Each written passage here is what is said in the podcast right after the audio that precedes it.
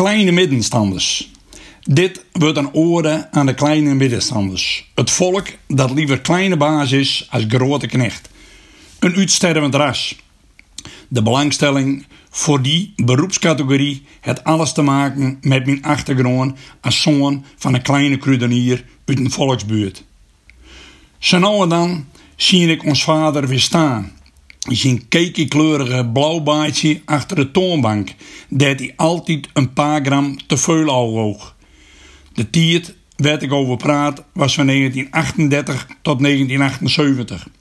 Exact 40 jaar hield mijn oude het vol. Ik als nakommerke maakte de laatste jaren van een scrap met. Kort leden was ik in Lippenhuizen om een interview te houden met kruideniersfamilie Faber. Na 100 jaar is er een einde aan de dorpssupermarkt kom en ik had een gesprek met Heid Wobbe en Son Ronald. Het wordt meer dan een interview. Een sentimental journey voor mij. Zeker in een plak als Lippenhuizen, een rode streek in Friesland, vormden de kleine middenstanders der geen aparte groep. Ze vermengden hun gewoon met de arbeidersklasse. Dat wordt mij wel duidelijk tijdens het gesprek. In 1921 bracht oerpaker Faber zijn boerderij over van Huddegeriep naar Lippenhuizen. Krekt in de overgangsperiode van het ene dorp naar het andere slaat het noodlot toe. Die oerpaken krijgt een longontsteking en sterft aan de gevolgen daarvan. Beppe blijft achter met een baby van twee maanden en nog drie kleine kinders. Geen sociale voorzienings en Beppe moet haar machine te redden en begint een klein kruidenierswinkeltje dat in een eeuwtijd uitgroeide tot een mooie dorpssupermarkt. Nou is er een einde komen en begint achter kleinzoon Ronald op hetzelfde plak een wijnhuis. Zelf heb ik nooit de aanstrijd gehad om de winkel van mijn oude lui over te nemen.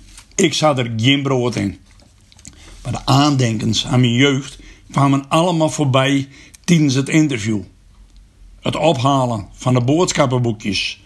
Het rondbrengen van de bestellings. Het op een pof kopen van de buurvrouwen. Hoe mijn vader geld leende aan de vrouwen die er vervolgens een goedkoop CNA-jurkje voor haalden.